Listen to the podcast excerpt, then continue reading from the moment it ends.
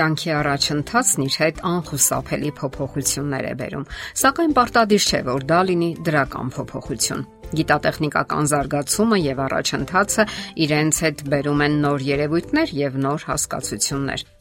Փոխվում է թե սոցիալական եւ թե մարդու հոգեբանությունը։ Մեր օրերում լայնորեն տարածված է մի երևույթ, որը կոչվում է հերախոսամոլություն։ Այն ունի նույնիսկ իր գիտական անվանումը՝ ֆաբինգ։ Ինչ է այն։ Դուք քայլում եք քաղաքում եւ ամենուր տեսնում եք հեռախոսների մեջ խորասուզված մարդկանց։ Այգիներում, սրճարաններում, հասարակական տրանսպորտում եւ նույնիսկ տներում։ Եթե նույնիսկ նրանք նստած են երկուսով կամ երեքով ինչ որ միտեղ, հաճախ զբաղված են իրենց հեռախոսներով։ Նույնը տներում է, ընտանիքի անդամների արկայությամբ եւ պարտադիր չէ, որ նրանք այդ պահին խոսեն հեռախոսով։ Նրանք ուղակի ինչ որ բան են բզբզում անընդհատ։ Իսկ ձեր կյանքում եղել է նման դեպք, երբ մեկը ինչ որ բան է հարցնում, իսկ մյուսը, եթե նույնիսկ պատասխանում է, ապա չի էլ բարեհաճում գլուխն անգամ բարձրացնել հեռախոսից։ Դուք դեղատան աշխատակցին ինչ որ բան եք հարցնում, իսկ նա դժկամությամբ բարձրացնում է գլուխը եւ ինչ որ բաներ է մրթմրթում։ Ոչինչ չեք հասկանում եւ մռայլ դուրս եք գալիս։ Եվ նման օրինակները շատ են։ Ահա այս օրինակ տեսարաններն է, որ արդեն ունեն իրենց առանձնահատուկ անվանումը՝ ֆաբինգ։ Այս երևույթը նույնիսկ ծաղրի ու կատակների առարկա է դարձել զանգվածային լրատվամիջոցների կողմից, եւ այնուամենայնիվ այն շարունակում է զարգանալ եւ նոր ձևեր ընդունել։ Սակայն այս երևույթը հազիվ թե զվարճացնի նրան, ում լսում են կեսականջով եւ պատասխանում կեսբերան։ Այդպիսի պահերին դուք զգում եք, որ ձեզ անտեսում են, արհամարում են եւ հստակ հասկացնում են, որ շատ ավելի կարեւոր է իրենց հեռախոսազրույցը, քան ձեզ հետ հաղորդակցվելը եւ ֆաբինգ արտահայտությունը հենց դա էլ նշանակում է։ Շարունակելով մեր միտքն ասենք, որ նվազագույնը երկու ծանրակշիռ հետազոտություն ցույց են տվել, որ այս իրավիճակը խիստ բնորոշ է հսկայական քանակի զույգերի համար։ Վերջերս Տեխաս նահանգի Բեյլորյան համալսարանի հետազոտողներ Ջեյմս Ռոբերտսը եւ Մերիդիթ Դեյվիդը կազմել են հատուկ հարցաշար, որpիսի ողջեն թե որքանով է կապված ֆաբինգը զույգերի հարաբերությունների հետ։ Հարցման մասնակիցները պետք է գնահատեին, թե ինչ աստիճանի են իրենք համաձայն 9 եզրակացություններից յուրաքանչյուրի հետ։ Իսկ հարցապնդումները մոտավորապես հետևյալ տեսքն ունեին։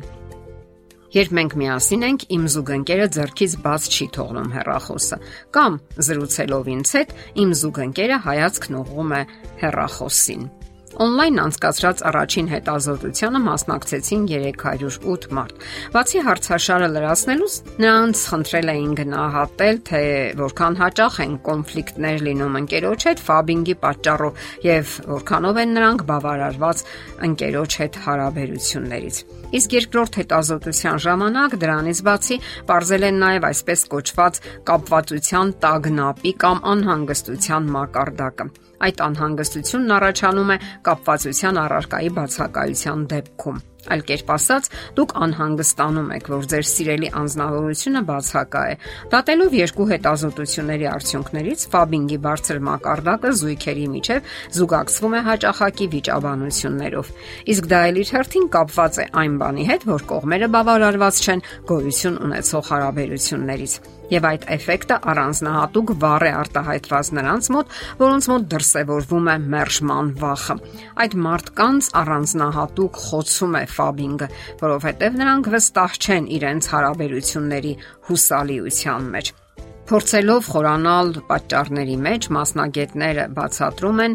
որ այդ ամենը կատարվում է, քանի որ հարաբերությունները վատ են, որ զույգը չի ցանկանում շփվել, որովհետև գերադասում է խորասուզվել վիրտուալ աշխարհում, խուսափել կենթանի շփումից, երբ այն նյարդայնացնում է կամ ձանձրալի է։ Երբ մարդն այլևս բավականություն չի ստանում կենթանի շփումից, գերադասում է շփվել վիրտուալ ոլորտում, հետաքրքրություններ որոնել այլ հարաբերություններ ընկերություններում։ Ստացվում է փակ շրջան, որտեղ մեկը վնասում է մյուսին եւ ապա փոխադարձաբար լրացնում են միմյանց։ Ասել կուզի ֆաբինգը եւ պատճառը եւ հետևանք։ Մեր ժամանակները կարելի է նաև բնորոշել որպես հույզերի աղքատության կամ դրանք դրսևորել չկարողանալու ժամանակաշրջան։ Մարդիկ որոնում են, հաճախ իրենք էլ չհասկանալով թե ինչ եւ որտեղ նրանք ջերմություն եւ ըմբռնում են որոնում, որոնում են ամենուր, որովհետեւ մարդկային հարաբերությունների մեջ նվազում է ջերմությունը եւ ըմբռնողությունը, կարեկցանքն ու գթասրտությունը։ Այսօր հսկայական քանակի ինֆորմացիա է պարունակվում փոքրիկ սարքերում։ Սարքեր, որոնք կարելի է տեղավորել գրպանում եւ պայուսակում եւ օգտվել ցանկացած ժամանակ։ Իսկ դրանցից առաջինն ու ամենատարածվածը սովորական հեռախոսն է, որից այսօր օգտվում են սկսած 5 տարեկանից։ Իսկ դա անկասկած խաթարում է բնականon հարաբերությունները։